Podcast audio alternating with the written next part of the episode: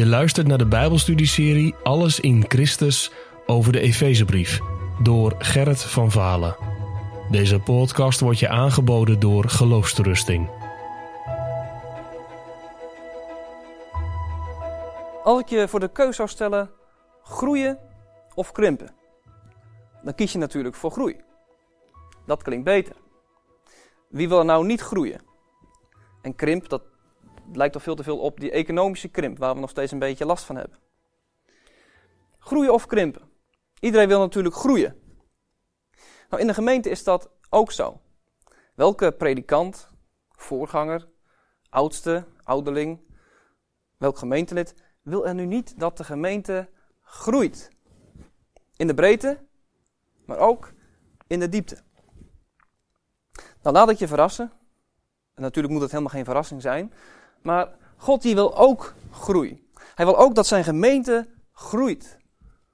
Sterker nog, in het gedeelte wat we hier voor ons hebben, Efeze 4, vers 1 tot 16, kunnen we God als het ware zien als een ondernemer die graag wil dat zijn onderneming, de gemeente, groeit. En de winst die hij op het oog heeft, is deze: dat die gemeente meer en meer gaat lijken op zijn zoon. Als we het gedeelte bekijken in de verschillende delen, dan zien we eigenlijk dat in elk deel komt een belangrijk element van de onderneming terug. Allereerst zien we dat God werkt met een startkapitaal. De eenheid die, die hij als basis legt in de gemeente. Als tweede zien we dat hij ook medewerkers geeft aan de gemeente om die groei te realiseren. En als derde zien we ook dat God met zijn onderneming een visie heeft en een missie om zijn doel te bereiken.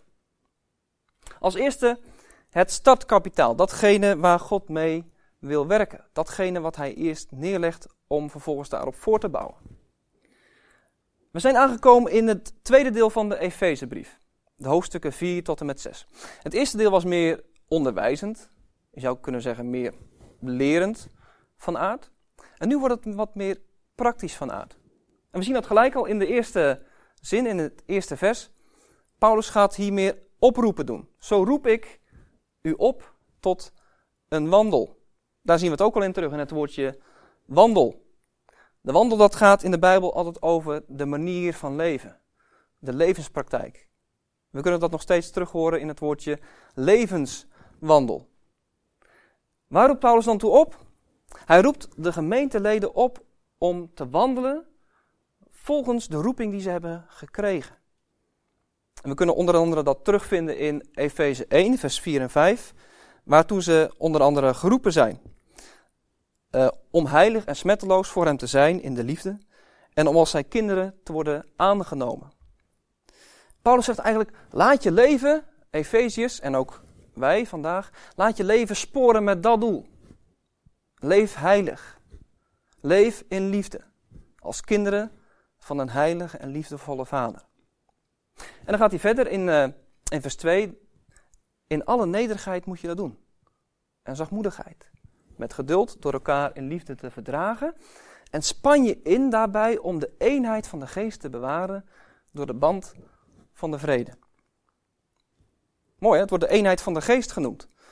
Blijkbaar is eenheid niet iets wat wij mensen zomaar even maken.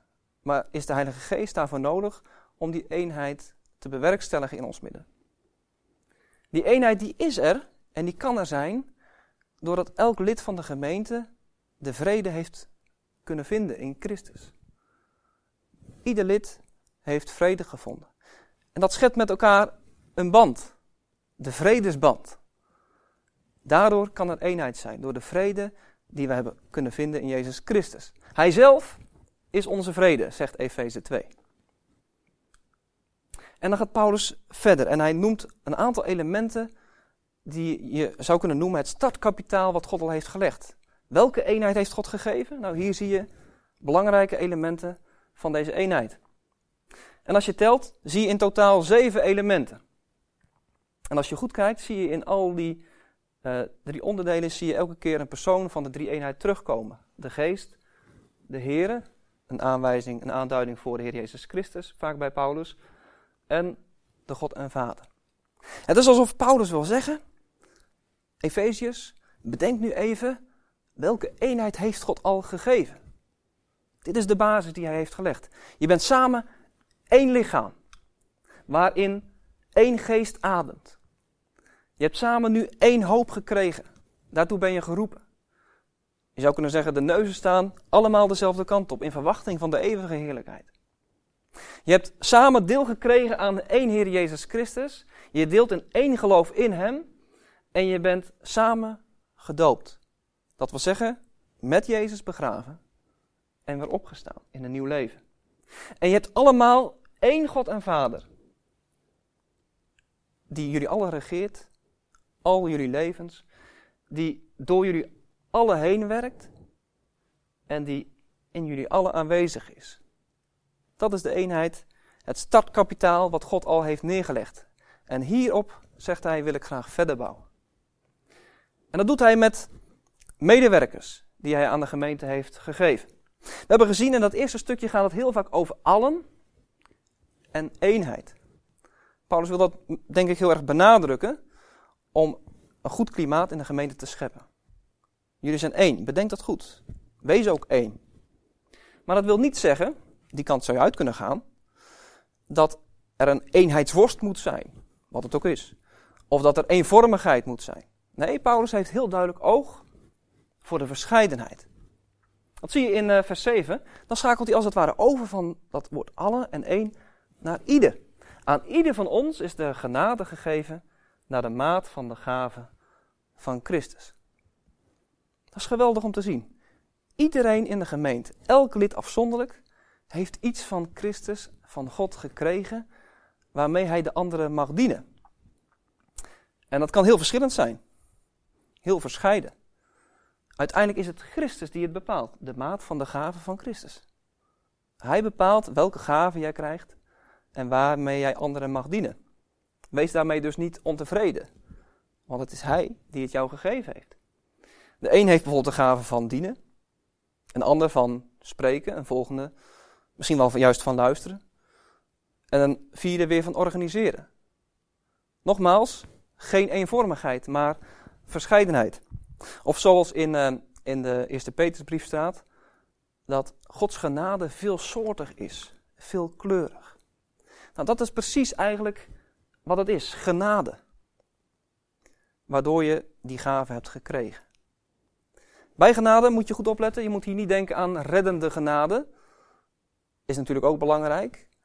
Maar het gaat hier juist om de genade, de gunst die God geeft, die God bewijst aan jouw zondig, nietig mens, door jou iets toe te vertrouwen waarmee jij in zijn koninkrijk mag werken. Dat is Gods gunst. Hij had het ook niet hoeven doen of niet kunnen doen. Besef dat, dat het genade is dat God je iets heeft gegeven. Nou, welke dingen heeft Christus dan specifiek gegeven? Paulus laat hier zien een vijftal essentiële gaven die hij heeft gegeven. Apostelen, profeten, evangelisten, herders en leraars, waarbij sommige mensen die laatste twee als één bediening samennemen. In elk geval, het staat hier heel mooi. Ik vind het eigenlijk heel, heel merkwaardig, maar ook wel heel mooi. Er staat niet dat hij deze mensen met hun gaven aan de gemeente heeft gegeven. Nee, er staat hier dat hij deze mensen zelf met een roeping als gave aan de gemeente heeft gegeven. Niet dat die mensen de gave van het apostelschap ontvingen, ja ook dat, maar hier staat het zo, deze mensen zijn zelf als een gave gegeven aan de gemeente. Dat is mooi. Bedenk dat ook als je iemand hebt in de gemeente die zo'n bediening vervult. Het is een gave van Christus aan de gemeente. En behandel die persoon ook zo. Ontvang hem als een gave, met respect en met vreugde. De gaven van Christus. Die zijn gegeven om de missie en de visie die God heeft met zijn onderneming, om die te helpen vervullen. Kijk maar in uh, vers 12, waar het volgende staat, dat deze mensen zijn gegeven om de heilige toe te rusten. Tot het werk van dienstbetoon, tot opbouw van het lichaam van Christus. Net zoals een coach een sporter toerust, zo zijn deze gaven bedoeld als toerusting. Die coach die rust die sporter toe, die traint hem, die, die helpt hem, die geeft hem tips, Die geeft hem aanwijzingen, die geeft hem discipline enzovoort. Maar het doel is dat uiteindelijk die sporter de wedstrijd gaat doen. Die coach gaat voor de sporter niet de wedstrijd lopen of wat dan ook. Zo zijn deze gaven ook bedoeld. Niet om al het werk te doen in een gemeente. Om al het werk over te nemen en op de eigen schouders te tillen. Nee, ze zijn bedoeld als toerusting van de heiligen. Wie zijn dat? De gewone gemeenteleden. U, jij en ik in de gemeente. Die mogen het werk doen. Samen met die anderen. Als geheel tot opbouw van het lichaam van Christus. Dat is een geweldig perspectief. Dat wil niet zeggen dat er dan maar eentje voor in de kerk staat te spreken en de rest met de armen over elkaar kan zitten. Nee, iedereen mag worden ingeschakeld, omdat iedereen een gave van Christus heeft gekregen.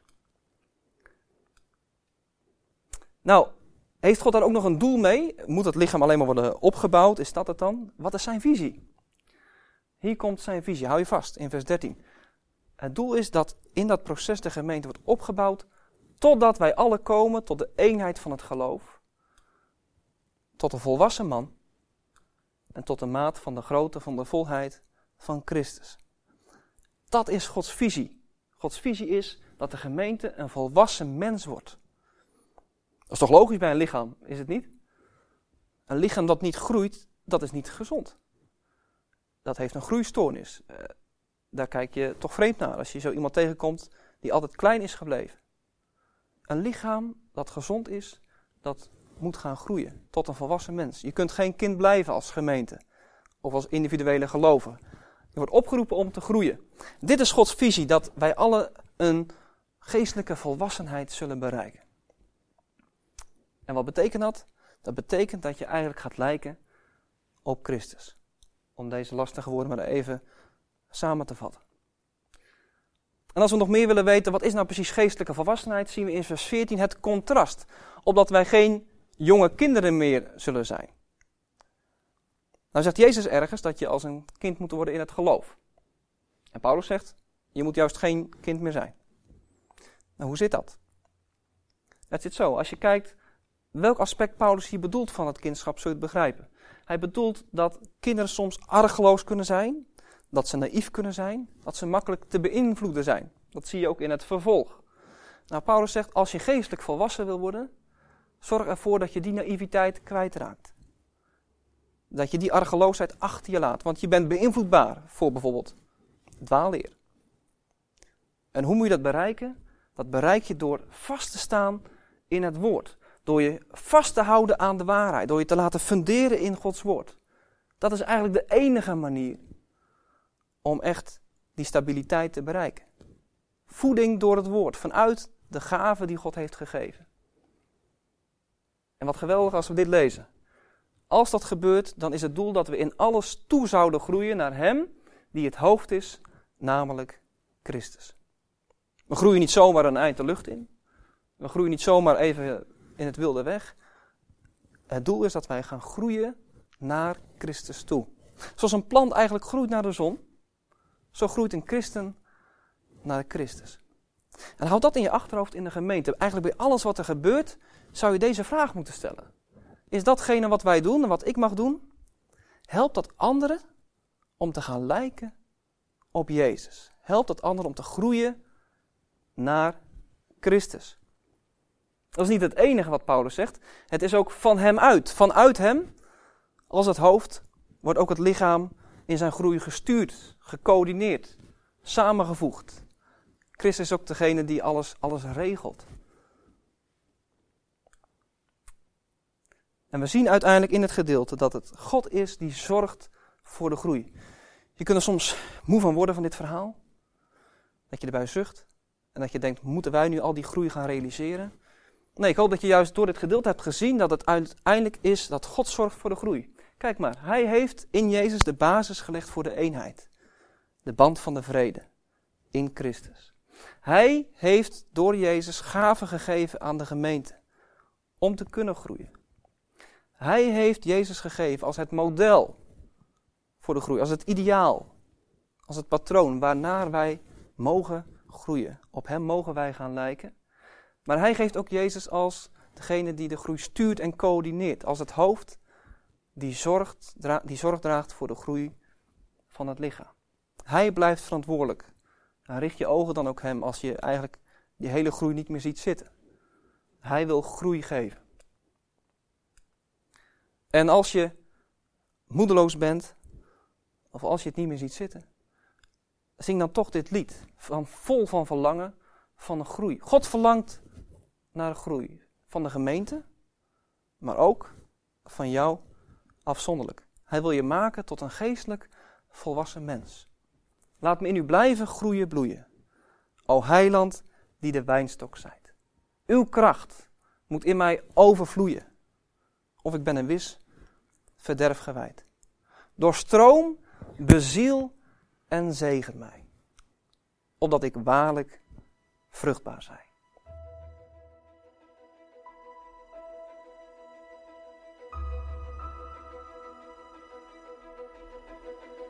Je luisterde naar een podcast van Geloofsterusting. Wil je meer luisteren, lezen of bekijken? Steun dan onze missie en ga naar de website geloofsterusting.nl.